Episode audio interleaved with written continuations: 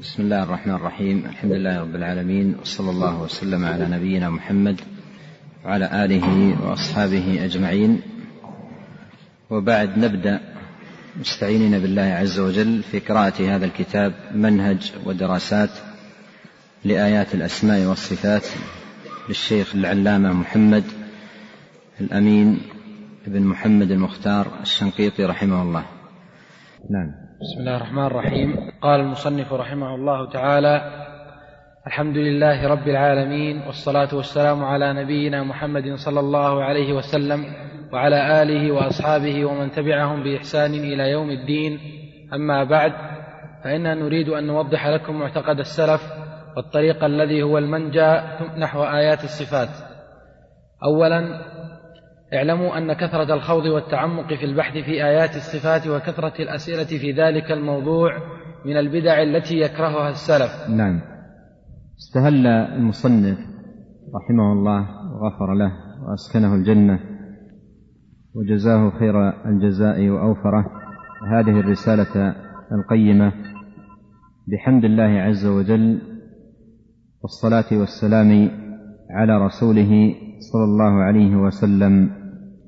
ثم بين الغرض الذي لأجله ألقى هذه المحاضرة وأصدر هذه الرسالة. قال أنا نريد أن نوضح لكم معتقد السلف والطريق الذي هو المنجي نحو آيات الصفات. وجرت عادة كثير من المصنفين أن يستهلوا مصنفاتهم ببيان الغرض الذي لأجله ألف أو صنف أو كتب حتى يكون القارئ والمطلع على بينة فيما سيقرأ ويطلع عليه في الكتاب الذي بين يديه. وهذه الرسالة ألفت لتوضيح معتقد السلف الصالح هذا الغرض الذي ألفت لأجله. وينبغي أن تعلم هذا أنها ألفت وبينت واجتهد الشيخ رحمه الله فيها ليبين العقيدة التي كان عليها سلف الأمة الصالح رضي الله عنهم وأرضاهم. وهذا الطريق الذي كان عليه السلف كما أوضح المصنف رحمه الله هو الطريق الذي به النجاة في آيات الصفات وأمور الاعتقاد وجميع أبواب الدين. فالطريقة التي كان عليها السلف الصالح هي الطريقة المنجية هي الطريقة التي فيها سلامة العبد من الزلل أمانه من الانحراف. كما قال الإمام مالك بن أنس رحمه الله السنة سفينة نوح فمن ركبها نجا ومن تركها غرق. فطريقة السلف رحمهم الله طريقة قائمة على السنة سنة النبي الكريم عليه الصلاة والسلام فهي التي بها تكون النجاة. هي التي تكون بها النجاة. ولهذا ترى في كثير من المصنفات لأهل العلم في الاعتقاد يصدر مثل ما فعل شيخ الإسلام ابن تيمية في أول واسطية قال هذه عقيدة الفرقة الناجية. هذه عقيدة الفرقة الناجية أي أن النجاة والطريقة المنجية تكون بذلك. ومعنى ذلك أن من ترك هذه الطريقة فقد عرض نفسه للهلاك. ومن سلك هذه الطريقة فقد سلك بنفسه طريق النجاة. فالطريقة التي عليها السلف الصالح رحمهم الله في الاعتقاد هي الطريقة المنجية كما ذكر الشيخ. وكما عبر غيره هي عقيدة الفرقة الناجية. هي عقيدة الفرقة الناجية. وهذا المعنى مستمد من قول النبي صلى الله عليه وسلم في الحديث الصحيح وستفترق هذه الأمة على ثلاث وسبعين فرقة كلها في النار إلا واحدة إلا واحدة أي ناجية. فالنجاة إنما تكون بهذا المعتقد الحق والإيمان السليم القائم على كتاب الله عز وجل وسنة رسوله صلوات الله وسلامه عليه. وهذه العقيدة المنجية لها خصائص تمتاز بها عن غيرها من عقائد الناس ايا كانوا ومهما كانوا. وابرز هذه الخصائص أربعة خصائص. الأولى أنها عقيدة قائمة على كتاب الله وسنة رسوله عليه الصلاة والسلام فهي عقيدة مستمدة من الكتاب والسنة. ولذا ترى في مصنفات أهل العلم في هذا الباب يقولون نصف الله بما وصف به نفسه وبما وصفه به رسوله صلى الله عليه وسلم لا نتجاوز القرآن والحديث وهذا لفظ الإمام أحمد رحمه الله ونظائره كثير عند أهل العلم من أهل السنة والجماعة فهي طريقة وعقيدة مستمدة من كتاب الله عز وجل وسنة رسوله صلوات الله وسلامه عليه.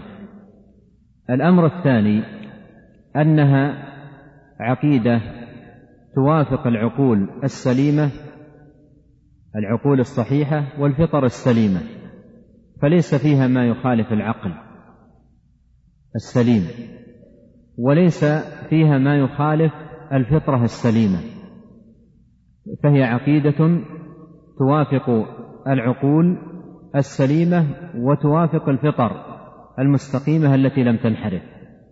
أما إذا انحرف العقل وفسدت الفطرة فإنها ستكون مخالفة للاعتقاد الحق المستمد من كتاب الله عز وجل وسنة نبيه صلوات الله وسلامه عليه. ولهذا يقول شيخ الإسلام ابن تيمية رحمه الله في رسالته الحموية يقول اعلم أنه ليس في العقل الصريح ولا في شيء من النقل الصحيح ما يوجب مخالفة الطريقة السلفية أصلا. الطريقة السلفية هي الطريقة التي عليها السلف الصالح من لزوم الحق والهدى والاعتصام بحبل الله والتمسك به والبعد عن الانحراف ووسائله وأسبابه.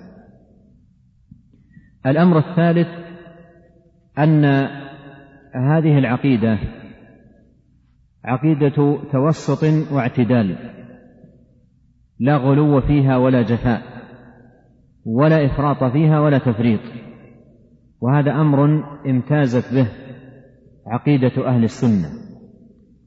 عقيدة وسط بين طرفي الغلو فهي سنة فهي حسنة بين سيئتين وهدى بين باطلين باطل الغلو وباطل الجفاء فليس فيها أي غلو وليس فيها أي جفاء ليس فيها إفراط وليس فيها تفريط وإنما هي على الاعتدال والقوام والوسط كما قال الله عز وجل وكذلك جعلناكم أمة وسطا أي شهودا عدولا على القوام وعلى السداد لا غلو ولا جفاء. الأمر الرابع مما امتازت به هذه العقيدة أنها سلمت من الانحرافات والخلل الذي وقعت فيه الطوائف الكثيرة. وباب الانحراف أو أبواب الانحراف. في الاعتقاد كثيرة جدا وفي باب الصفات كثيرة. فمنهم من نحى في انحرافه منح التعطيل والتعطيل أنواع. ومنهم من نحى منح التحريف. ومنهم من نحى منح التشبيه والتمثيل. إلى غير ذلك من الانحرافات التي وقع فيها وقعت فيها الطوائف في هذا الباب. أما أهل السنة سلموا من ذلك كله. سلموا من ذلك كله. فمنهجهم قائم على الإثبات لله عز وجل بلا تعطيل الإثبات بلا تمثيل والتنزيه بلا تعطيل. فهم سالمون من التعطيل وسالمون من التمثيل وسالمون من كل ما وقع فيه أهل الضلال والباطل. وسبب هذه السلامة اعتصامهم بحبل الله وبكتاب الله وسنة رسوله صلوات الله وسلامه عليه. ومن يعتصم بالله فقد هدي إلى صراط مستقيم. قال رحمة الله عليه فإن نريد أن نوضح لكم معتقد السلف والطريق الذي هو المنجي نحو آيات الصفات. أيضا قول الشيخ هذا فيه لفت انتباه لطالب العلم والمبتدئ في هذا الفن والمطلع عليه أن آه، الخوض في هذا الباب خوض كثير.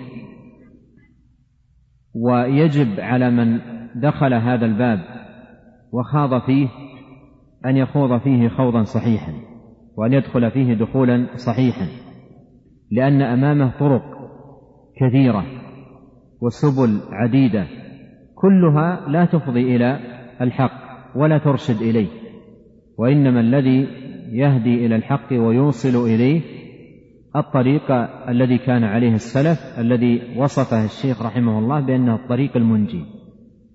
فهناك طرق أخرى لا توصل إلى النجاة.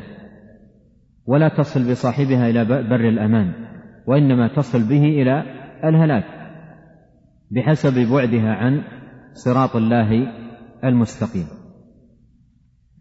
قال اولا اعلموا أن كثرة الخوض والتعمق في البحث في آيات الصفات وكثرة الأسئلة في ذلك الموضوع من البدع التي يكرهها السلف. هذا تنبيه غاية في الأهمية. كثرة الخوض في, في هذا الباب باب الصفات وكثرة الأسئلة كما أشار الشيخ رحمة الله عليه من البدع ومراده بالخوض في في في هذا الباب أي الخوض فيه ابتداء الخوض فيه ابتداء دون اعتماد على كتاب الله وسنة نبيه عليه الصلاة والسلام. وكذلك الأسئلة. في في هذا الباب المراد بالأسئلة التي يتكلفها أهل البدع كالأسئلة الاعتراضية مثلا أو الأسئلة التي يراد بها التعطيل أو الأسئلة التي يراد بها إثارة الشبهات وإحداث اللبس أو نحو ذلك من الأسئلة التي تكثر في أهل البدع فهذا كله من الباطل. أما دخول الإنسان في هذا العلم الشريف الذي هو أشرف العلوم وأفضلها لأن شرف العلم من شرف معلومه فاشتغالهم بهذا العلم على أسسه الصحيحة ومسلكه الصحيح فهذا مما يندب. حتى وإن طالت عنايته به وكثر اشتغاله به فهذا لا لا يذم. هذا لا يذم لأنه اشتغال بأشرف العلوم واشتغال بأساس الخير والفلاح لأن معرفة الله عز وجل ومعرفة أسمائه الحسنى وصفاته العليا أساس كل خير وفلاح في الدنيا والآخرة. كما قال الله عز وجل إنما يخشى الله من عباده العلماء. وقال بعض السلف أخذا من هذه الآية من كان بالله أعرف كان منه اخوف وذكر هذه العبارة ابن القيم في بعض كتبه وأضاف إليها إضافات لطيفة. قال من كان بالله أعرف كان منه أخوف ولعبادته أطلب وعن معصيته أبعد. وهذا فيه تنبيه أن معرفة الله عز وجل معرفة صحيحة قويمة. مبنية على الكتاب والسنة فيها فلاح العبد وسعادته في الدنيا والآخرة. فالعبد كلما كان أعرف بالأسماء والصفات على ضوء كتاب الله وسنة نبيه صلى الله عليه وسلم كان في ذلك سعادته وفلاحه في الدنيا والآخرة. فإذا قول الشيخ رحمه الله اعلم أن كثرة الخوض والتعمق في البحث في آيات الصفات أي آه، تكلف ابتداء شيء أو إحداث شيء لا ليس في كتاب الله عز وجل. وهنا نتذكر الموقف الذي كان عليه السلف رحمهم الله عندما خاضوا في دروسهم وكتبهم في هذا الباب وجسروا عليه لأن كون قلب الإنسان يجسر ويوجد فيه جسارة في الكلام في, في الله وفي صفاته هذا أمر عظيم أمر عظيم جدا. من الذي يتجرأ أن يقول لله كذا من الصفات وليس له كذا من الصفات؟ ما الذي يتجرأ؟ ما الذي يجرئ المخلوق الضعيف الناقص ذو العقل الضعيف أن أن يتكلم في أوصاف الرب العظيم؟ ما الذي يجعله يتجرأ؟ السلف رحمهم الله ما تجرأوا في الدخول في هذا الباب إلا أن القرآن نطق بالصفات والسنة نطقت بالصفات. فجسروا في الكلام في, في هذا الباب في حدود الآيات والأحاديث. هذه الجسارة التي كانت عندهم في حدود الآيات والأحاديث. ولولا الآيات التي فيها النطق بصفات الله الآيات والأحاديث ما جسروا على ذلك. فكانوا يكرهون أن يخوض الواحد منهم ابتداء في الكلام في صفات الله سبحانه وتعالى إلا في حدود ما جاء في كلام الله وكلام رسوله صلوات الله وسلامه عليه. والنقول عنهم في هذا المعنى كثيرة. آه، آه، جاء في شرح الاعتقاد للحافظ اللالكائي رحمه الله أنه روى عن عبد الله بن مبارك التابعي الجليل أن رجلا قال له إني أكره الصفة إني أكره الصفة. عنا صفة الرب يعني قصد آه، الكلام في صفة الرب عز وجل. فقال عبد الله بن مبارك أنا أشد الناس كراهية لذلك أنا أشد الناس كراهية لذلك يعني الكلام في صفة الرب ما نفسي ما تجسر على على على هذا الأمر ولا أقوى عليه. لكن ما الذي أوجد هذه الجسارة؟ قال أنا أشد الناس كراهية لذلك يعني الدخول في هذا الباب. قال ولكن اسمع. قال ولكن إذا نطق الكتاب بشيء قلنا به. إذا نطق الكتاب بشيء قلنا به. وإذا جاءت الآثار بشيء جسرنا عليه. لاحظ يعني الجسارة متى وجدت عندهم؟ إذا نطق الكتاب وإذا جاءت الآثار بشيء جسرنا عليه. وإلا من الذي يجسر أن يقول الله يوصف بكذا والله لا يوصف بكذا؟ وليس عنده في كلامه هذا بينة من كتاب الله عز وجل وسنة رسوله عليه الصلاة والسلام. اللهم إلا أنه يقحم عقله القصير الضعيف القاصر في هذا الأمر العظيم الجليل الذي هو أكبر الأمور وأعظمها. ابن تيمية رحمه الله أورد هذا الأثر في كتابه الرسالة الحموية وعلق عليه. قال أراد ابن المبارك أن نكره أن نبتدي بوصف الله من ذات أنفسنا حتى يجيء به الكتاب والآثار. هذا معنى كلامه. معنى كلام مبارك أن نكره أن نبتدئ بوصف الله. ما معنى نبتدئ؟ يعني عندما نتحدث بوصف الله تبارك وتعالى نبتدئ الحديث بوصف الله من قبل أنفسنا. ننشئ ذلك من قبل أنفسنا دون أن نستند فيه على كتاب ولا على سنة. وهذه هي الحالة التي عليها أرباب البدع في كتبهم. يقولون يوصف الله بكذا لكذا يذكرون امورا عقليه ولا يوصف بكذا لكذا ويبنونه على أمور عقلية دون تعويل على الكتاب والسنة. أما كتب أهل السنة فجادتهم واضحة. نصف الله بكذا لقوله تعالى كذا. ننفي عن الله كذا لقوله تعالى كذا أو لقوله صلى الله عليه وسلم كذا. فهم لا يبتدئون لا يبتدئون شيئا وإنما يصفون الله عز وجل بالأوصاف الثابتة في الكتاب والسنة.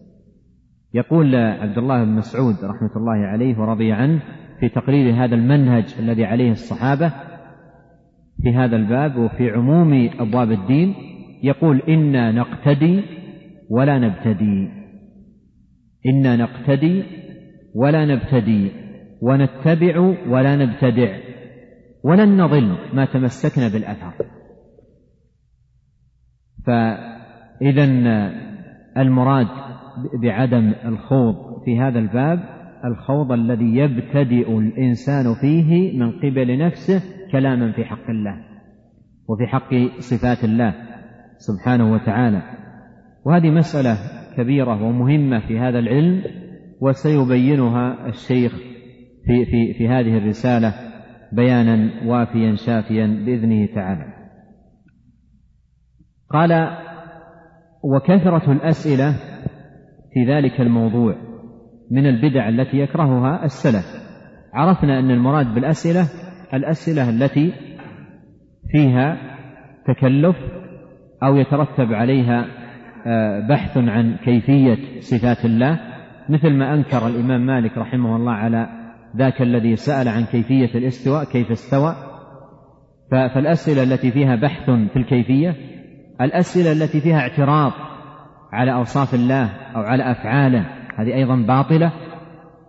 لا يسأل عما يفعل وهم يسألون. الأسئلة التي يترتب عليها إثارة شبهات وإحداث بلبلة في عقائد الناس هذه داخلة فكل أسئلة يترتب عليها هذا المعنى فهي باطلة. أما الأسئلة القائمة على طلب الحق والبحث عنه وتحري الصواب والتعويل على على السنة فهذه أسئلة صحيحة ولا يلام. وجاء نظائرها في في في زمن النبي عليه الصلاة والسلام سألوه بعض الصحابة في أشياء تتعلق بالصفات وأجابهم دون إنكار عليهم مثل ما جاء في حديث رزين لما قال النبي عليه الصلاة والسلام ضحك ربنا إلى إلى إلى رجلين فسأله رزين قال أو يضحك ربنا؟ وهذا السؤال ليس سؤال اعتراض ولا سؤال انتقاد وإنما سؤال استعلام ومعرفة وبيان.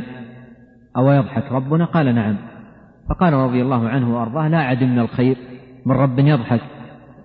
ولهذا نظائر كثيرة جدا في المأثور عن السلف الصالح رحمهم الله. إذا الأسئلة التي يطلب فيها السائل الحق ويتحراه ويريد الهدى ويطلبه ويسأل مستفهما مستعلما مستبينا الحق ليس متكلفا ولا ولا خائضا في الكيفيات كيفيات صفات الله تبارك وتعالى أو نحو ذلك من السؤالات فهذا لا بأس به. نعم. قال رحمه الله تعالى اعلموا أن مبحث آيات الصفات دل القرآن العظيم أنه يتركز على ثلاثة أسس من جاء بها كلها فقد وافق الصواب وكان على وكان على الاعتقاد الذي كان عليه النبي صلى الله عليه وسلم وأصحابه والسلف الصالح ومن أخل بواحد من تلك من تلك الأسس ومن خل ومن أخل بواحد من تلك الأسس الثلاثة فقد ضل. وكل هذه الأسس الثلاثة يدل عليها القرآن العظيم.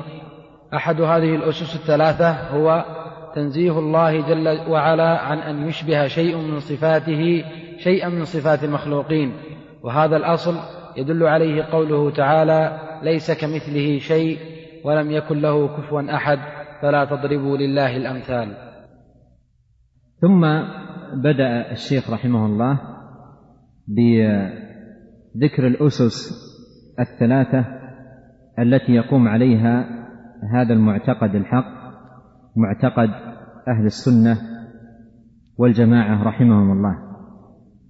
ومن باب التنبيه والإشارة هذه الأسس الثلاثة كثيرا ما يكررها الشيخ رحمة الله عليه في كتبه وجاءت في مواضع عديدة من كتبه رحمه الله سواء الأضواء أو غيره من كتبه كثيرا ما يقررها حتى في دروسه. وذلك اهتماما بالأساس الذي يقوم عليه البناء. وإذا صح الأساس استقام البناء الذي يبنى فوقه. فهذه أسس ثلاثة يبنى عليها المعتقد الحق معتقد أهل السنة والجماعة قائم على هذه الأسس. فهي بمثابة الأعمدة التي يرتكز عليها معتقد أهل السنة والجماعة. ولا قيام للمعتقد الحق إلا على هذه الأسس الثلاثة. ولهذا نبه رحمه الله على هذا المعنى بأن من أخل بواحدة من تلك الأسس الثلاثة فقد ضل. من فقد واحدة من هذه الأسس الثلاثة فقد ضل. لا يحصل المعتقد الحق ولا يصيبه إلا إذا أقام اعتقاده على هذه الأسس. فهي من الأهمية بمكان. وكما ذكرت كان كثيرا رحمة الله عليه ما يقرر هذه الأسس ويستدل لها ويوصي بالعناية بها في كتب كثيرة له وفي دروس عديدة. وقوله في مبدأ كلامه على هذه الأسس اعلموا هذه يؤتى بها في الأمر الذي له أهمية له أهمية ويحتاج إلى لفت انتباه القارئ أو السامع إليه. اعلم أو اعلموا. وفي القرآن من هذا جاء شيء كثير. وجل ما جاء في القرآن من هذا القبيل اعلم أو اعلموا جل ذلك في الصفات. وهذا فيه لفت انتباه إلى أن علم توحيد الأسماء والصفات علم عظيم من أكبر أو أكبر العلوم وأجلها وأهمها على الإطلاق. لأنه العلم الذي يقوم عليها دين العبد. كلما ازداد معرفة بالله وبأسمائه وصفاته وعظمته وأنه المعبود بحق ولا معبود بحق سواه وقامت عنده البراهين والدلائل على ذلك صح إيمانه وقوي يقينه وحسنت صلته بالله عز وجل وبعد عما يسخطه إلى غير ذلك من الثمار والآثار. قال اعلموا أن مبحث آيات الصفات دل القرآن العظيم أنه يرتكز على ثلاثة أسس. قوله دل القرآن العظيم فيه أن هذه الأسس الثلاثة التي عليها قيام المعتقد الحق مستمدة من القرآن العظيم. مستمدة من القرآن العظيم. وأيضا وسيأتي تأكيده على هذا المعنى قال وكل هذه الأسس الثلاثة يدل عليها قرآن عظيم. فهي ليست من إنشاء عالم أو اختراع أحد وإنما هي أسس أخذت بالإستقراء والتتبع والعلم بدلائل كتاب الله وسنة نبيه صلوات الله وسلامه عليه. ولهذا سيأتي عند المصنف عقب كل عقب كل أساس من هذه الأسس ذكر الدلائل عليه من القرآن. قال أنه يرتكز على ثلاثة أسس من جاء بها كلها فقد وافق الصواب وكان على الاعتقاد الذي كان عليه النبي صلى الله عليه وسلم وأصحابه والسلف الصالح. ومن أخل بواحد من تلك الأسس فقد ضل. وكل هذه الأسس الثلاثة يدل عليها قرآن عظيم. ثم بدأ ببيانها. قال أحد هذه الأسس الثلاثة. أحد هذه الأسس الثلاثة. أريد أن أذكركم بكلامي بالأمس حول طبعتين للكتاب. طبعتين للكتاب. الطبعة الأولى هذه التي طبعت في زمن المصنف مرتين ولعله قام بتنقيحها بنفسه. والطبعة الثانية أخذت من الشريط الذي ألقاه. فرغ الشريط بنصه وطبع. وأشرت إلى أن الأولى هي هذه الطبعة التي طبعت في في حياته مرتين. أما التي كانت إلقاء فالملقي قد يكون في في إلقائه ما يتناسب مع مقام آه، الإلقاء والخطابة. ولما يحرر ما ألقاه تجده يحذف بعض العبارات. فالطبعة التي هي تفريغ من الشريط فيها في هذا الموضع قال أحد هذه الأسس الثلاثة الأول منها هو التنزيه. أحد هذه الأسس الثلاثة الأول منها هو التنزيه هكذا جاءت العبارة. هذه يمكن تصلح في الإلقاء. مثل أن أقول لكم أحد هذه الأسس الثلاثة الأول من هذه الأسس الثلاثة التنزيه. تأتي جميلة في الإلقاء وتلفت الانتباه. لكن لما تأتي مكتوبة تصبح العبارة ركيكة كتابته أحد هذه الأسس الثلاثة الأول منها التنزيه هذا ما يصلح في مقام الكتابة. ولهذا لعل الشيخ نفسه نقح وخرجت بهذه الصياغة. فالأولى هذه الطبعة التي بين أيديكم وهي التي طبعت في حياته مرتين وبعد وفاته مرات كثيرة. قال أحد هذه الأسس الثلاثة هو تنزيه الله جل وعلا عن أن يشبه بشيء من صفاته شيئا من صفات المخلوقين عن أن يشبه بشيء من صفاته شيئا من صفات المخلوقين أو أن يشبه بشيء من صفاته شيئا من صفات المخلوقين. وهذا فيه إبطال التشبيه تشبيه الله تبارك وتعالى بالمخلوقين. والتشبيه باطل سواء شبه المخلوق تنزه وتقدس سواء شبه الخالق تنزه وتقدس بالمخلوق أو شبه المخلوق الضعيف الناقص بالخالق العظيم. ولهذا قال العلماء التشبيه نوعان وكل منهما باطل وضلال. تشبيه للخالق بالمخلوق وتشبيه للمخلوق بالخالق. قال الأساس الأول تنزيه الله جل وعلا عن أن أن يشبه بشيء من صفاته شيئا من صفات المخلوقين أو أن يشبه بشيء من صفاته شيئا من صفات المخلوقين.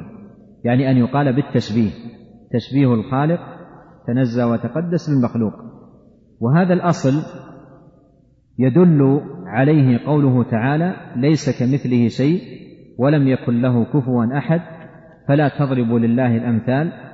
أيضا قوله فلا تجعلوا لله أندادا وقوله تعالى هل تعلم له سميا. فهذه الآيات كلها تدل دلالة واضحة على بطلان التشبيه. اذا هذا أساس يقوم عليه معتقد أهل السنة والجماعة أنهم ينزهون الله عن التشبيه. فليس آه، شيء من التشبيه قائم في قلوبهم وليس شيء من التشبيه متحركة به ألسنتهم فهم بريئون من ذلك كله في سلامة القلب منه وسلامة اللسان فلا يخوضون فيه لأن عقيدتهم قائمة على تنزيه الله جل وعلا تنزيه الله عن مشابهة المخلوقات والأدلة على تنزيه الله عن المشابهة كثيرة منها هذه التي أوردها المصنف. نعم. الثاني من هذه الأسس قال, قال رحمه الله تعالى الثاني من هذه الأسس هو الإيمان بما وصف الله به نفسه لأنه لا يصف الله أعلم بالله من الله. أأنتم أعلم أم الله؟ والإيمان بما وصفه به رسوله صلى الله عليه وسلم لأنه لا يصف الله بعد الله أعلم بالله من رسول الله صلى الله عليه وسلم الذي قال في حقه وما ينطق عن الهوى إن هو إلا وحي يوحى.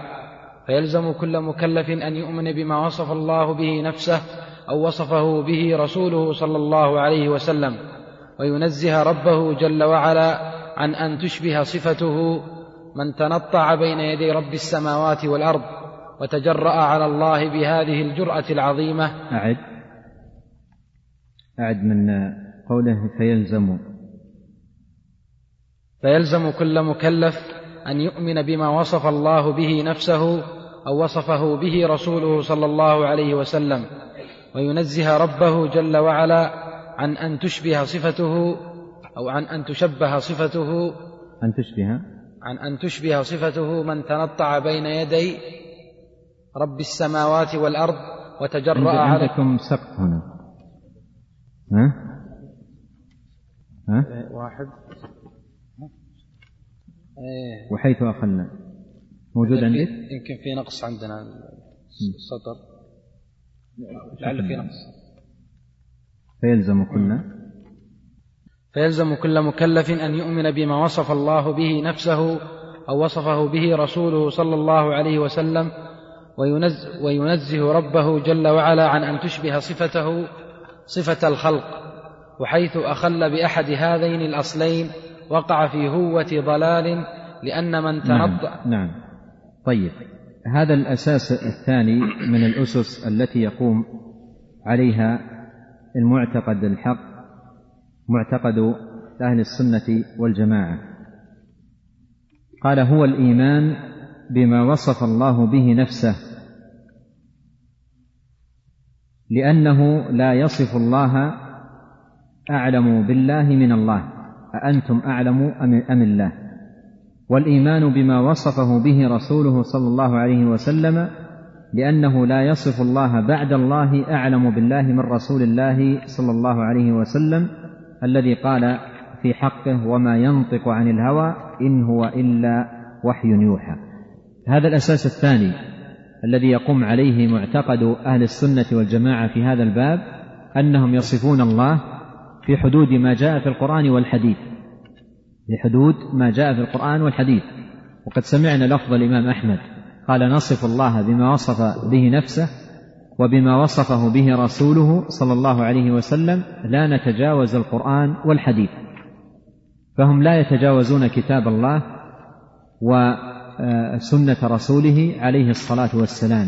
مثل ما قال الأوزاعي رحمه الله ندور مع السنة حيث دارت أي نفيا وإثباتا فما ثبت في الكتاب والسنة أثبتناه وما نفي في الكتاب والسنة نفيناه.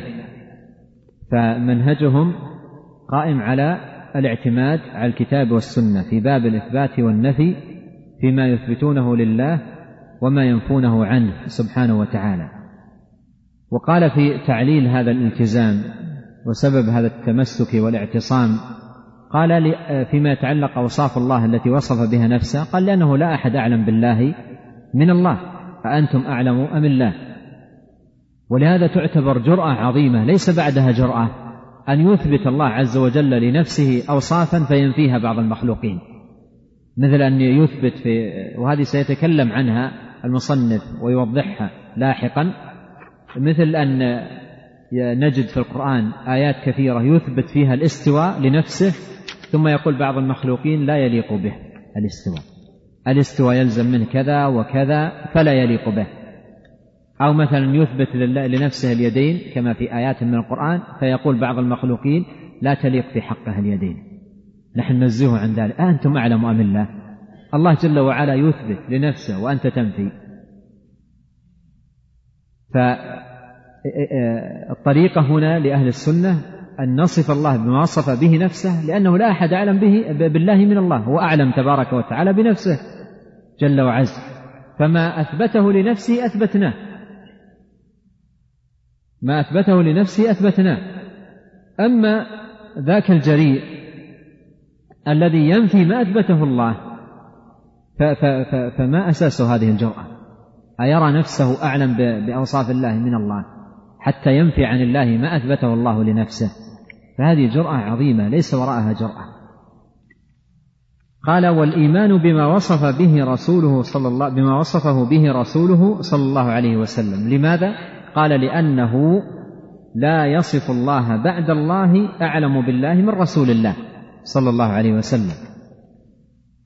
وهذا الرسول عليه الصلاة والسلام قال عن نفسه كما في الصحيح إن إن أتقاكم لله وأعلمكم بالله أنا.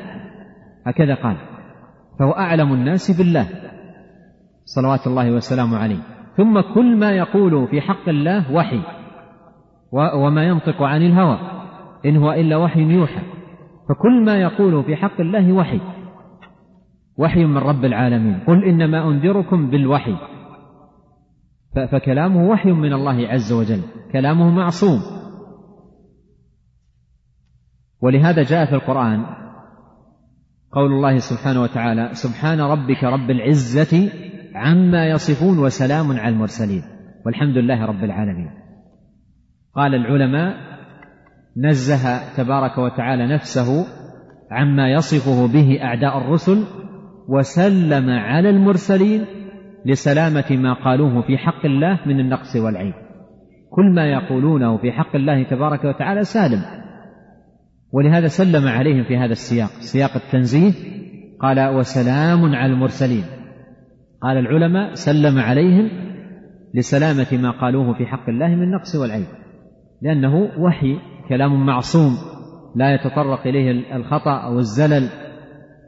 أما كلام البشر فعرضة للخطأ. فكيف يتجرأ الإنسان أن يخوض في, في هذا الباب بلا مستند؟ إذا طريقة أهل السنة والجماعة قائمة على هذا الأساس أن نصف الله بما وصف به نفسه وأن نصفه بما وصفه به رسوله صلى الله عليه وسلم. قال في التأكيد على هذا المنهج بعد أن ذكر برهانه قال فيلزم كل مكلف أن يؤمن بما وصف الله به نفسه أو وصفه به رسوله صلى الله عليه وسلم وينزه ربه جل وعلا عن أن تشبه صفته صفة الخلق. آه، قوله يلزم كل مكلف أن يؤمن بما وصف الله به نفسه أو وصفه به رسوله صلى الله عليه وسلم. هذا يرجع إلى الأساس الثاني. وقوله وينزه ربه جل وعلا عن أن تشبه صفته صفة الخلق هذا يرجع إلى الأساس الأول. فلما ذكر الأساسين الأول والثاني أكد أن أن الواجب على على كل مكلف أن يلزم هذين الأساسين.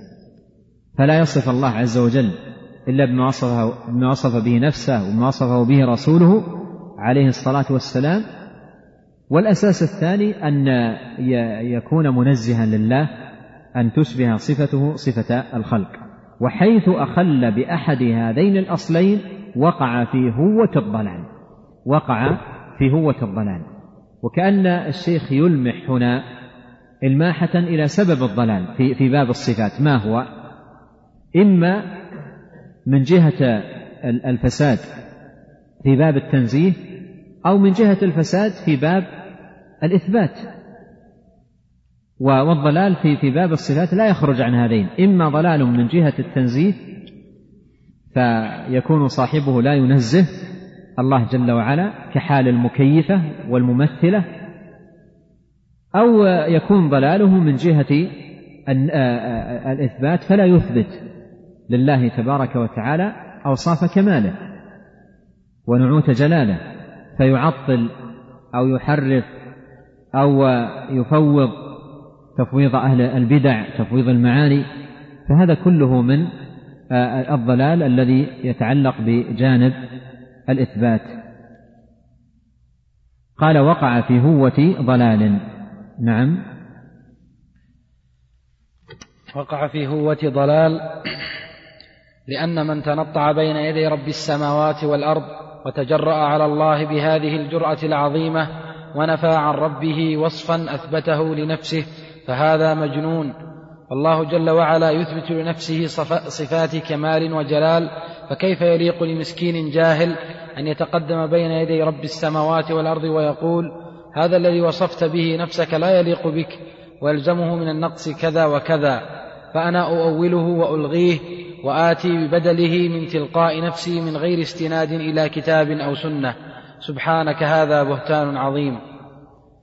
نعم. ومن ظن أن صفة, أن صفة خالق السماوات والأرض تشبه شيئا من صفات الخلق فهذا مجنون جاهل ملحد ضال. ومن آمن بصفات ربه جل وعلا منزها ربه عن تشبيه صفاته بصفات الخلق فهو مؤمن منزه. منزه. فهو مؤمن منزه سالم من ورطة التشبيه والتعطيل وهذا التحقيق هو مضمون ليس كمثله شيء وهو السميع البصير. نعم. الشيخ رحمه الله لما ذكر الأصلين وصف الله ما وصف به نفسه وما وصف به رسوله عليه الصلاة والسلام والأصل الثاني الذي هو التنزيه أشار إلى أحوال الناس مع هذين الأصلين. وبين ما يترتب على كل حال من هذه الأحوال. فقال أولا لأن من تنطع؟ والتنطع هو التكلف. التكلف في, في, في, في الكلام وفي القول. وفي الحديث هلك المتنطعون. المتنطع هو الذي يتكلف في, في كلامه ويتكلف في, في فعله ما لا أساس له ولا أصل عليه. لأن من تنطع بين يدي رب السماوات والأرض وتجرأ على الله بهذه الجرأة العظيمة ونفى عن ربه وصفا أثبته لنفسه. يعني خرج عن باب الذي هو لزوم الأصل الذي هو وصف الله بما وصف به نفسه ووصفه به رسوله عليه الصلاة والسلام وتجرأ في هذا الباب فنفى ما وصف الله به نفسه أو نفى ما وصفه به رسوله عليه الصلاة والسلام. يقول من من تجرأ على ذلك فهو مجنون. مجنون لأن هذا الفعل لا يصدر من عاقل من سوي. وإلا كيف يليق بعاقل أو يصح من سوي عقل أن يثبت الله جل وعلا لنفسه صفات فينفيها هو؟ أو يثبت الرسول صلى الله عليه وسلم لربه صفات بالوحي فينفيها هو. فهذا لا يصدر من سوي عقل. ولهذا قال الشيخ فهذا مجنون. فالله جل وعلا يثبت لنفسه صفات كمال وجلال فكيف يليق بمسكين جاهل أن يتقدم بين يدي رب السماوات والأرض ويقول هذا الذي وصفت به نفسك لا يليق بك. ويلزمه من النقص كذا فأنا أؤوله وألغيه وآتي ببدله من تلقاء نفسي من غير استناد إلى كتاب وسنة. وهذه حال معطلة الصفات ومؤولة الصفات. هذه حالهم. ومثلت لكم ببعض الأمثلة في باب في صفات صفة الاستواء. الله جل وعلا في آيات كثيرة وصف نفسه به. قال الرحمن على العرش استوى. تجد هؤلاء ينصون صراحة آه، ويقولون بصراحة الاستواء لا يليق بالله. الاستواء يلزم من كذا ويلزم من كذا ويلزم من كذا ويعددون لوازم كثيرة فيقولون الاستواء لا يليق بالله. طيب إذا كان لا يليق به ما الذي يليق به؟ قالوا نبدله نلغيه ونأتي ببدله. ما البديل؟ قالوا استولى. استولى أحسن من استوى. أما استوى ما تصلح لله ولا تليق به والله عز وجل ينزه عن ذلك. نعم ذكر هذا عن نفسه لكن ما يصلح له. نحن الذين نعرف الذي يصلح والذي يليق به. الذي يليق به استولى. استولى هذه مناسبة له أما استوى غير مناسبة. لاحظ الجرأة الجرأة العظيمة. رب العالمين يثبت ثم يلغون ما أثبت ويضعون من قبل أنفسهم البديل. ثم إذا نظرت في البديل الذي وضعوه عليه من المآخذ الشيء الكبير وليس له دليل لا من اللغة ولا من الفهم الصحيح ولا ولا عليه مستند من الكتاب والسنة وإنما أمر تكلفوه وتنطعوا بالمجيء به جرأة بين يدي بين يدي الله تبارك وتعالى. فانظر يعني هذا النفس العظيم الذي يعبر ويصوغه الشيخ هنا وهو يصوغه عن ألم لواقع أولئك.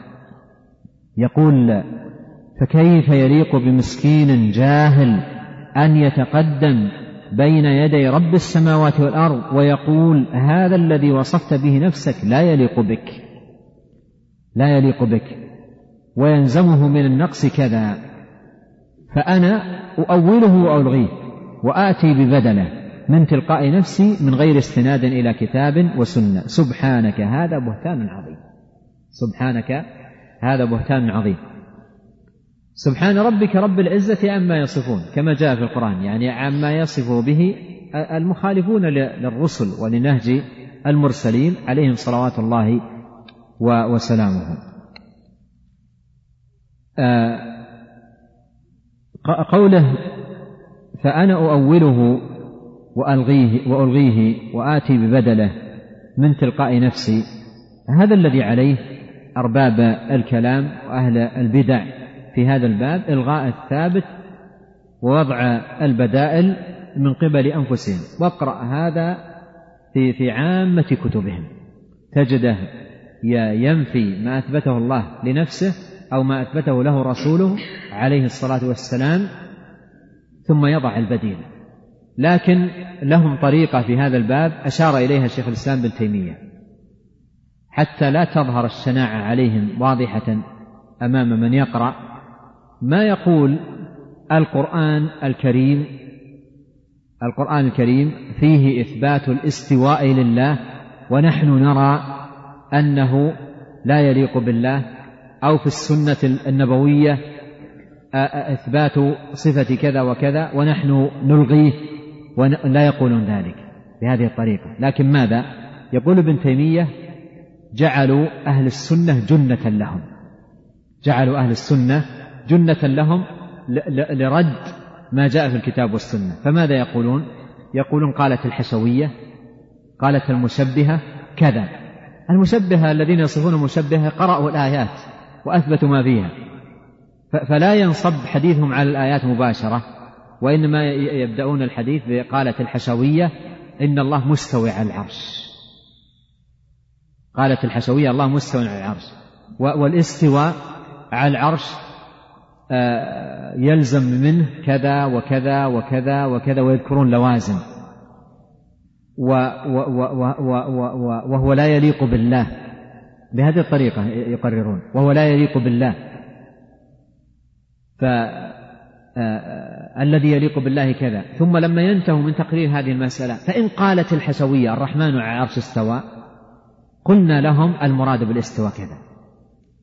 ما يذكر المسألة هكذا ابتداء بدون ذكر أهل السنة أو غيرهم ويبدأ يوجه اعتراضاته على القرآن لا يجعل أهل السنة جنة له.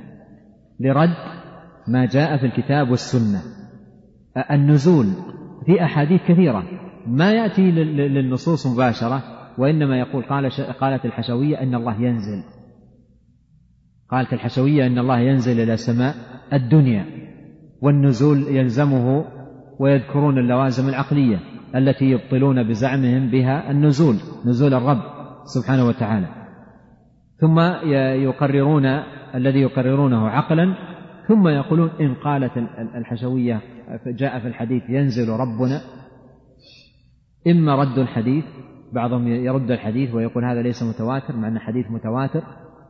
والآحاد لا يقبل في باب الاعتقاد أو يقولون هذا الحديث معناه كذا أو يتطلبون ألفاظ شاذة في الحديث لم تصح فيجعلون عليها المعول أو أي طريقة كانت يفتعلونها لرد الحديث الذي ثبت عن النبي صلوات الله وسلامه عليه. ثم انتقل إلى الجانب الآخر. يعني قوله الآن لأن من تنطع هذا يتعلق بالأصل الذي هو وصف الله بما وصف به نفسه. فمن لم يعتمد على هذا الأصل وتنطع في, في هذا الباب ونفى فقد ضل. ومن ظن أن صفة خالق السماوات والأرض تشبه شيئا من صفات الخلق فهذا مجنون جاهل ملحد ضال. ثم ذكر المسلك الثالث الذي عليه أهل السنة في هذا الباب قال ومن آمن بصفات ربه جل وعلا منزها ربه عن مشابهة صفاته لصفات الخلق فهو مؤمن منزه سالم من ورطة التشبيه والتعطيل. سالم من ورطة التشبيه والتعطيل. الورطة اختيار الشيخ لهذه اللفظة هنا جميل. الورطة هي كل أمر يتعسر النجاة منه. يعني إذا دخل الإنسان فيه وولج تعسر آه، النجاة منه. إلا أن يشاء الله عز وجل له النجاة. فهذه فهذه تسمى ورطة. ولهذا جاء عن ابن عمر كما في صحيح البخاري وغيره أنه قال إن من ورطات الأمور إن من ورطات الأمور التي لا مخرج لمن أوقع نفسه فيها سفك الدم الحرام بغير حلة. سفك الدم الحرام بغير حلة يعني أن يسفك دما حرام بغير حل لكن الشاهد عبارة ابن عمر وفيها توضيح للورطة ما هي. فيها توضيح للورطة ما هي. قال إن من ورطات الأمور التي لا مخرج لمن أوقع نفسه فيها. فالورطة هي التي لا مخرج لمن أوقع نفسه فيها. إلا أن يشاء الله عز وجل له ذلك. ولهذا عبارة الشيخ هنا اللفظة هنا جميلة. قال ف ف فهو مؤمن منزه سالم من ورطة التشبيه والتعطيل إذا الصنفين الأولين من وقعوا في التعطيل أو من وقعوا في التشبيه هم في الحقيقة في ورطة. هم في الحقيقة في ورطة. ورطوا أنفسهم في أمر. يتعسر عليهم الخروج منه إلا أن يشاء الله لهم النجاة بالعودة الصادقة الميمونة إلى كتاب الله وسنة نبيه عليه الصلاة والسلام. قال وهذا التحقيق يعني الذي عليه هؤلاء أهل السنة هو مضمون ليس كمثله شيء وهو السميع البصير. يعني هو مضمون هذه الآية لأن الآية جمعت بين الأصلين. الآية جمعت بين الأصلين. الإثبات في قوله السميع البصير والتنزيه في قوله ليس كمثله شيء. فقد جمع فجمعت الآية بين الأصلين الإثبات والتنزيه. فقول أهل السنة في, في, في هذا الباب قائم على هذه الآية وعلى غيرها من آي الكتاب وأحاديث الرسول عليه الصلاة والسلام. ثم أخذ يبين وجه كون المعتقد الذي عليه أهل السنة والجماعة في باب الصفات هو مضمون هذه الآية. فقال قال رحمه الله تعالى فهذه الآية فيها تعليم عظيم يحل جميع الإشكالات ويجيب عن جميع الأسئلة حول الموضوع. ذلك لأن الله قال وهو السميع البصير. بعد قوله ليس كمثله شيء. ومعلوم أن السمع والبصر من حيث هما سمع وبصر يتصف بهما جميع الحيوانات فكأن الله يشير للخلق أن لا ينفوا عنه صفة سمعه وبصره بادعاء أن الحوادث تسمع وتبصر وأن ذلك تشبيه بل عليهم أن يثبتوا له صفة سمعه وبصره على أساس ليس كمثله شيء. الله جل وعلا له صفات لائقة بكماله وجلاله والمخلوقات لهم صفات مناسبة لحالهم وكل هذا حق ثابت لا شك فيه. نعم هذا توضيح من الشيخ رحمة الله عليه لدلالة الآية على هذا المنهج في الإثبات والتنزيه وذكر هنا رحمه الله أن مجيء قوله وهو السميع البصير عقب قوله ليس كمثله شيء فيه دلالة واضحة أن إثبات الصفات لله جل وعلا على الوجه اللائق بجلاله وكماله لا يلزم منه تشبيه الله بالمخلوقات. وهذه لفتة جميلة في, في, في التنبيه على معنى الآية. الآية فيها نفي التمثيل ليس كمثله شيء وعقب نفي التمثيل مباشرة قال رب العالمين وهو السميع البصير. عقب نفي التمثيل مباشرة في الآية نفسها قال وهو السميع البصير. فأثبت لنفسه السمع والبصر مباشرة عقب نفيه للمثل للمثيل قال ليس كمثله شيء وهو السميع البصير. فقال الشيخ في إثبات السمع والبصر عقب نفي المثلية دليل على أن إثبات الصفات على الوجه اللائق بالله لا يلزم منه ماذا؟ التمثيل. والسمع والبصر مثل ما أشار الشيخ هي من الصفات التي يتصف بها المخلوق. إنا خلقنا الإنسان من نطفة أمشاج نبتليه فجعلناه سميعا بصيرا. فالمخلوق يتصف بالسمع ويتصف بالبصر. فهل إذا قلنا إن الله سميع بصير ونحن نثبت له هذا الوصف على وجه يليق بجلاله وكماله سبحانه وتعالى هل مثلنا؟ الآية تدل على أن من يثبت لله سبحانه وتعالى الصفات على الوجه اللائق به لم يمثل. وجه الدلالة ما هو؟ أن الرب سبحانه وتعالى أثبت لنفسه السمع والبصر عقب نفي عقب نفيه للمثلية. فمن لم ينتبه لهذا الباب ينزلق. من لم ينتبه لهذا الباب ينزلق. فتجده يمتنع. عن إثبات للصفات عن إثبات الصفات لله عز وجل تخوفا من التشبيه.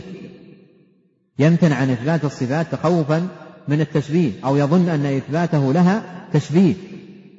فتجد مثلا اليد عندما يقرأها في, في القرآن. يمتنع من إثباتها. وإذا باحثته عن سبب امتناعه من من إثباتها يقول لو أثبتنا لله يدا حقيقية لشبهناه. مثل أيضا الكلام في السمع والبصر. يقول لو أثبتنا لله سمعا وبصرا حقيقيا لشبهناه بالمخلوق. فالآية رد على هؤلاء. ليس كمثله شيء وهو السميع البصير. فيها دلالة بينة أن إثبات الصفات لله تبارك وتعالى لا, لا, لا يلزم منه آه، التشبيه. يقول لأن الله قال وهو السميع البصير بعد قوله ليس كمثله شيء. لأن الله قال وهو السميع البصير بعد قوله ليس كمثله شيء بعدها مباشرة في الآية نفسها. ماذا في هذا من فائدة؟ قال ومعلوم أن السمع والبصر من حيث هما سمع وبصر يتصف بهما جميع الحيوانات. فكأن الله يشير للخلق إلى ألا ينفوا عنه صفة صفة سمعه وبصره بادعاء أن الحوادث تسمع وتبصر. بادعاء أن الحوادث تسمع وتبصر. يعني هذا مسلك فاسد. أن أن تنفي أن أن ينفي الإنسان عن الله صفة بادعاء أنها موجودة في المخلوقات هذا مسلك فاسد. عرفنا أن مسلك فاسد من الآية. من الآية عرفنا أنه مسلك فاسد. أنا أذكر مرة دار بيني وبين شخص حوار في, في, في هذا الباب وهو من المعطلة. قرأ علي الآية. بل, بل يداه مبسوطتان. بل يداه مبسوطتان أو قرأ يد الله فوق أيديهم. قال بهذه الطريقة قال يد الله فوق أيديهم هذه جارحة. يده قدرته. يد الله فوق أيديهم وأشار إلى يده قال, قال هذه جارحة. يده قدرته. تأويل اليد بالقدرة سببه ماذا؟ سببه ما قام في نفسه من التشبيه. ما قام في نفسه من التشبيه. توهم توهم أنه إن أثبت شبه. هذا التوهم الذي تسرب إلى قلوب هؤلاء فأفضى بهم إلى التعطيل معالجته في الآية. معالجته في الآية. ليس كمثله شيء وهو السميع البصير. مباشرة بعد نفي المثلية أثبت السمع والبصر. فهذا فيه تنبيه. إذا أثبتت لله الصفة على الوجه اللائق به لم تمثل. ولهذا الإمام أحمد لما سئل من الممثل ماذا قال؟ قال الذي يقول يد كأيدينا سمع كسمعنا بصر كبصرنا. والله يقول ليس كمثله شيء وهو السميع البصير. هذا كلام الإمام أحمد رحمه الله. هذا الممثل. الممثل الذي يقول يد كأيدينا سمع كسمعنا بصر كبصرنا. أما إذا قلت الله سميع بصير له يد وله علم وله سمع وله بصر تليق به وبجلاله وكماله. ويخصه سبحانه وتعالى لأن الإضافة تقتضي التخصيص فما يضاف إلى الله يخصه ويليق به فحينئذ ما ثمة تمثيل ولا ثمة تشريف فإذا الآية فيها مداواة ومعالجة لهذا الأمر. قلت لذاك الرجل لما قال لي كلامه هذا مشيرا إلى يده. قلت له لماذا أنت تشبه الله بالمخلوقات؟ قال أنا لا أشبه. قلت له أنت تشبه الله بالمخلوقات لأنك تقرأ الآية التي فيها صفة الله وتشير إلى يدك. وهذا عين التشبيه. قلت وهذا التشبيه الذي صرت إليه هو الذي جعلك تقول اليد هي القدرة. ولو أنك سلمت من هذا التشبيه سلمت من ذاك التعطيل وأهل السنة والجماعة قلت له ليس عندهم هذا التشبيه الذي عندك وليس عندهم أيضا هذا التعطيل الذي عندك. سلموا من الآفتين. وأنت لما توهمت التشبيه وقعت في الآفتين. آفة التشبيه وآفة التعطيل. وأهل السنة سلموا من الآفتين. قلت له نقرأ الآية وما يخطر ببالنا أيدينا. قلت له سبحان الله كيف يخطر ببالك يدك وأنت تقرأ الآية؟ ورب العالمين يقول وما قدر الله حق قدره والأرض جميعا قبضته يوم القيامة. كيف تخطر ببالك يدك هذه؟ وتقرأ الآية وأنت تشير إلى يدك إلى يد نفسك. فهذا الوهم الذي وقعت فيه هو الذي أفضى بك إلى أنك تعطل الآية بإعطائها معنى آخر اليد القدرة. وإلا لو سلمت من, من هذه الآفة توهم التشبيه لسلمت من من التعطيل ومن الأمور الأخرى. فالشاهد أن الآية هذه وهو السميع ليس كمثله شيء وهو السميع البصير فيها مداواة ومعالجة تامة لهذا الأمر. قال فكأن الله يشير للخلق ألا ينفو عنه صفة سمعه وبصره بادعاء أن الحوادث تسمع وتبصر وأن ذلك تشبيه بل عليهم أن يثبتوا لله صفة سمعه وبصره على أساس ليس كمثله شيء فالله جل وعلا له صفات لائقة بكماله وجلاله والمخلوقات لهم صفات مناسبة لحالهم وكل هذا حق ثابت لا شك فيه. والقاعدة في, في هذا الباب أن الإضافة تقتضي التخصيص. فما يضاف إلى الرب العظيم الكامل يخصه ويليق به وما يضاف إلى المخلوق الضعيف الناقص يخصه ويليق به. وإذا وإذا كان هذا المعنى نحن نعقله بين مخلوق ومخلوق. فكيف لا نعقله بين مخلوق وخالق؟ الآن عندما نقول قوة الأسد وقوة النملة هل يلزم من إثباتنا قوة للنملة أن نكون قد شبهناها بقوة الأسد؟ هل يلزم أن, أن, أن يكون من إثباتنا يدا للنملة أن نكون شبهناها بيد الأسد؟ هذا أمر نعقله بين مخلوق ومخلوق فكيف به بين خالق ومخلوق؟ نحن نعقل بين مخلوق ومخلوق أن الإضافة تقتضي التخصيص عندما تضاف إلى الصفة إلى مخلوق وتضاف إلى مخلوق آخر تجد المعنى آه، أخذ ما, ما يناسب المخلوق الآخر. هذا أمر نعقل نحن بين مخلوق ومخلوق. فكيف يتجرأ هؤلاء ويقولون يلزم من إثبات الصفة لله حقيقة أن تكون مثل صفتنا؟ هذا لم يلزم بين مخلوق ومخلوق. الآن مثلا الوجه. الوجه هذه الكلمة ومعناها هي بحسب ما أضيف إليه. وتتناسب مع ما أضيفت إليه. وجه النهار وجه المسألة وجه الإنسان وجه الأسد وجه كذا تجدها بحسب ما أضيفت إليه. وهي في كل بما يتناسبه. فإذا أضيفت إلى الله سبحانه وتعالى كانت خاصة به لائقة بجلاله. فالإضافة تقتضي التخصيص. ولهذا يجب على من أثبت الصفات ألا يخطر بباله وألا يدور في في في خلده وخياله الشيء الذي هو في المخلوق. لماذا؟ لو خطر في باله هذا وأثبته أو وجد عنده فهو إما سينزلق في التشبيه في حال المشبهة أو يريد أن يتخلص منه بالتعطيل. والسلامة من ذلك كله أن أن يكون ماذا؟ الإنسان على السلامة والبراءة من آه، التشبيه والتعطيل أو بعبارة المصنف من ورطتي التشبيه والتعطيل. نعم. قال رحمه الله إلا أن صفة رب السماوات والأرض أعلى وأكمل من أن تشبه صفات المخلوقين فمن نفى عن الله وصفا أثبته لنفسه فقد جعل نفسه أعلم بالله من الله. سبحانك هذا بهتان عظيم. ومن ظن أن صفة ربه تشبه شيئا من, صف من صفة الخلق فهذا مجنون ضال ملحد لا عقل له. يدخل في قوله فالله إن كنا لفي ضلال مبين إذ نسويكم برب العالمين. ومن يسوي رب العالمين بغيره فهو مجنون.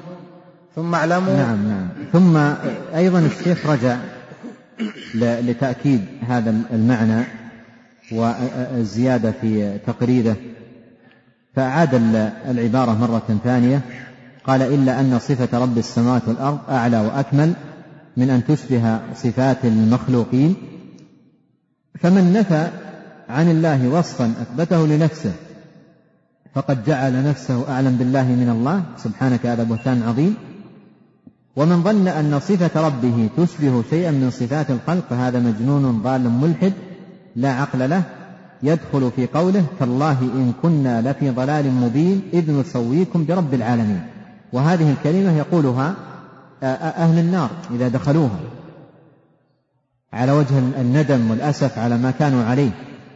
قالوا تالله إن كنا لفي ضلال مبين إذ نسويكم برب العالمين. والتسوية هي عدل غير الله بالله. عدل غير الله بالله. فالممثل الذي مثل الله بخلقه أو مثل خلقه به سوى غير الله بالله. والله جل وعلا أخبر عن أهل النار أنهم يقولون فيها تالله إن كنا لفي ضلال مبين إذ نسويكم برب العالمين. فتسوية غير الله بالله هذا من موجبات دخول النار وصلي عذابها. فالممثل آه، ملحد التمثيل كفر بالله والممثل كافر بالله عز وجل لأنه سوى غيره بالله به سوى المخلوق الناقص بالرب العظيم آه، الكامل سبحانه وتعالى. قال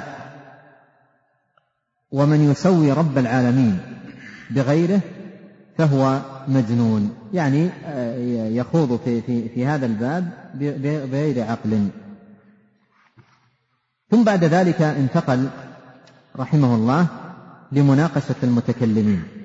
انتقل رحمه الله لمناقشة المتكلمين. وسيأتي ذكره لاحقا للأصل الثالث لأنه قال ثلاثة أسس فذكر الأساس الأول الذي هو آه، السلام من التنزيه وذكر الأساس الثاني وهو الإيمان بما وصف به نفسه وما وصف به رسوله صلى الله عليه وسلم. ثم آه، سيأتي لاحقا ذكره للأساس الثالث وهو قطع الطمع عن إدراك الكيفية كيفية صفات الله عز وجل. والآن سيدخل المصنف رحمه الله في مناقشة قد تطول قليلا مع المتكلمين ونرجئ الكلام عليها إلى درسنا. القادم إن شاء الله. والله تعالى أعلم. وصلى الله وسلم على نبينا محمد وآله وصحبه أجمعين. أحسن الله إليكم. هذا سائل يسأل ويقول فضيلة الشيخ ما صحة الأثر الذي فيه أن الله خلق آدم بيده وعلى شكله سبحانه وتعالى؟ وإن صح كيف بأنه تعالى لا يشبه شيئا من شيء من خلقه؟ ما ذكره السائل باللفظ هذا ما ما جاء في حديث عن النبي عليه الصلاة والسلام. أما أن الله خلق آدم بيده فهذا صحيح. وأيضا جاء في الحديث الصحيح أن الله خلق آدم على صورته وفي لفظ ثابت أن الله, أن الله خلق آدم على صورة الرحمن. فهذا صحيح. وأما يعني قول السائل على على شكله فهذا حكاية للحديث بلفظ ربما فيه فهم خاطئ للحديث. والحديث قال إن الله خلق آدم على صورته وفي لفظ قال على صورة الرحمن. والمعنى واضح أي أنه آه، خلق آدم آه، له وجه وله سمع وله بصر والمعنى الذي دل عليه الحديث دل عليه القرآن. في القرآن قال تعالى ليس كمثله شيء وهو السميع البصير. والله جل وعلا قال آه، في القرآن إنا خلقنا الإنسان من نطفة أمشاج نبتليه فجعلناه سميعا بصيرا. فهذا هو المعنى المراد. وليس الوجه كالوجه. ليس الوجه كالوجه. وهذه اللفظة لا يلزم منها التمثيل وهي غير يعني غير متعارضة مع قوله تعالى ليس كمثله شيء. قوله إن الله خلق آدم على صورته ليس متعارض مع قوله ليس كمثله شيء. لأن المراد أنه خلق آدم له وجه وله سمع وله بصر لكن لا, لا يلزم من ذلك أن يكون الوجه كالوجه ولا البصر كالبصر ولا السمع كالسمع. ولعل مما يوضح هذا ما ثبت في الحديث الصحيح عن النبي عليه الصلاة والسلام أنه قال آه، آه، في الحديث الذي معناه قال يدخل أهل الجنة الجنة على صورة القمر. يدخل أهل الجنة الجنة على صورة القمر. ليس معنى هذا؟ أن أنهم يدخلون مثل القمر في الاستدارة وفي آه، المادة أو الشيء الذي خلق منه القمر والهيئة التي عليها القمر. لا يلزم من ذلك. فقوله إن الله خلق آدم على صورته أي على صورة الرحمن على صورة الله له سمع وله بصر وله وجه. ولا يلزم من هذا أن أن الوجه كالوجه أو السمع كالسمع أو البصر كالبصر. والله تعالى يقول ليس كمثله شيء وهو السميع البصير. أحسن الله إليكم. هذا سائل يقول هل يجوز أن يقسم بعين الله وساقه ويده؟ القسم يراد منها آه، التعظيم والله يقسم بالله عز وجل وبصفاته. وكان النبي عليه الصلاة والسلام في إقسامه بالصفات. كان في إقسام بالصفات يقول والذي نفسي بيده. والذي نفسي بيده. أو نحو ذلك من من الألفاظ التي فيها القسم بالله تبارك وتعالى وذكر صفاته تبارك وتعالى العظيمة. ولهذا ابن القيم رحمه الله في كتابه الصواعق لما ذكر قول بعض معطلة الصفات أن الاستواء ليس له معنى واحد بل له معان كثيرة تصل إلى خمسة عشر معنى. قال ابن القيم في أول رده عليه وفي بداية تفصيله القول في بيان باطل هذا الكلام قال لا والذي استوى على العرش. لا والذي استوى على العرش. فهذا القسم بهذه الصيغة صحيح لا إشكال فيه. نعم. أحسن الله إليكم. هذا سائل يقول أن الشيخ ابن عثيمين رحمه الله يقول التعبير بالتمثيل أولى من التعبير بالتشبيه وكذلك التعريب التعبير بالتحريف أولى من التأويل فنود منكم بيان السبب في ذلك وجزاكم الله خيرا. بين الشيخ رحمه الله في مواضع من مؤلفاته السبب وأيضا بين ذلك قبل شيخ الإسلام ابن تيمية رحمه الله. ابن تيمية في المجلد الثالث المجلد الخامس أو الثالث من مجموع فتاواه لما ذكر المناظرة التي دارت بينه وبين خصومه حول كتابه العقيدة الواسطية. حول كتابه العقيدة الواسطية. قال رحمه الله في عرضه الرد على دعوى خصومه عليه قال وقد التزمت في كتابي هذا ألفاظ الكتاب والسنة. التزمت ألفاظ الكتاب والسنة. حتى إنني قلت بلا تمثيل ولم أقل بلا تشبيه. موافقة لقوله تعالى ليس كمثله شيء موافقة لقوله تعالى ليس كمثله شيء. فقوله ليس كمثله شيء آآ آآ هذا لفظ القرآن. ولهذا ابن تيمية قال ونصف الله بما وصف به نفسه بما وصف به رسوله صلى الله عليه وسلم من غير تحريف ولا تعطيل ومن غير تكييف ولا تمثيل. فإذا التمثيل هو لفظ القرآن. هو لفظ القرآن. وذكر العلماء فرقا بين التمثيل والتشبيه. أن التمثيل يكون مماثلة المخلوق من كل وجه والتشبيه من وجه دون وجه. ولهذا يقولون وجه التشبيه بين كذا وكذا هو كذا.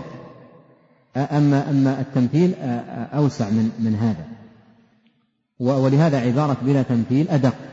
على أن يرد في كتب السلف كثيرا ومر معنا هنا في هذا الكتاب التعبير بلا تشبيه أو لا نشبه والمراد بها التمثيل والمراد بها التمثيل. فإذا إذا كان من باب عبارة أولى من عبارة فعبارة نفي التمثيل أولى. أولى مثل ما قال شيخ الإسلام هذه لفظ القرآن واختاره رحمة الله عليه في تقريره لعقيدة السلف.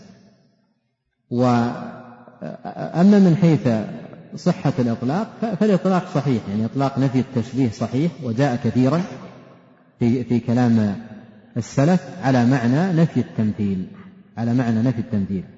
وأما الفرق بين التحريف والتأويل وقول الشيخ الأولى أن نقول بلا تحريف بدل أن نقول بلا تأويل لأن التأويل نوعان تأويل فاسد تأويل مذموم وتأويل صحيح. والتأويل الصحيح هو تفسير الآية بمعناها الذي دلت عليه. ولهذا ترى ابن كثير ابن جرير كثيرا في في كتابه التفسير يقول ماذا؟ وتأويل هذه الآية أي تفسيرها معناها.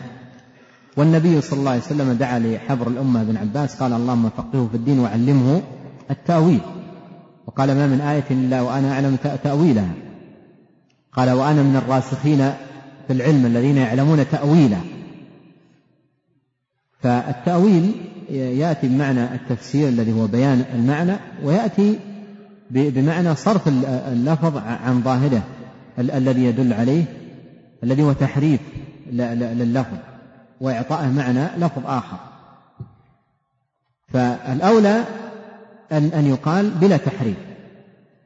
بلا تحريف لكن إذا قال القائل بلا تأويل وهو يقصد التأويل الفاسد فيكون آه، الإطلاق صحيح لأن ال في قوله التأويل تنصرف إلى ماذا؟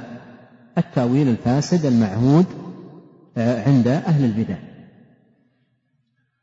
وتكون ال إما للعهد الذكري أو العهد الذهني. إن كان قبل قليل تعرض في كتابه إلى تأويل أهل البدع ثم قال بلا تأويل فهو يقصد التأويل الفاسد الذي عليه البدع. وإن كان لم يتعرض لها وقال بلا تأويل فتحمل ال على العهد الذهني الذي هو معروف في الأذهان الذي عليه أهل البدع والضلال.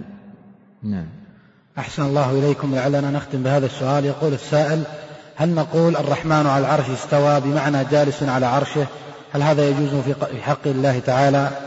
مثل ما ذكر شيخ الإسلام في التدمرية قال القعود والجلوس هو معنى زائد والخوض في هذا الباب لا بد فيه من دليل. الخوض في, في هذا الباب لا بد فيه من دليل ومعنى استوى أي على وارتفع هذا هو معناها استوى على العرش أي على وارتفع على العرش. وإثبات الصفات وأي قول في في باب الصفات يحتاج إلى دليل من كتاب الله وسنة نبيه صلوات الله وسلامه عليه. والاستواء معناه في اللغة العلو والارتفاع ومعنى قوله استوى على العرش أي على وارتفع على العرش علوا وارتفاعا واستواء يليق بجلاله وكماله وعظمته والله تعالى أعلم وصلى الله وسلم على نبينا محمد.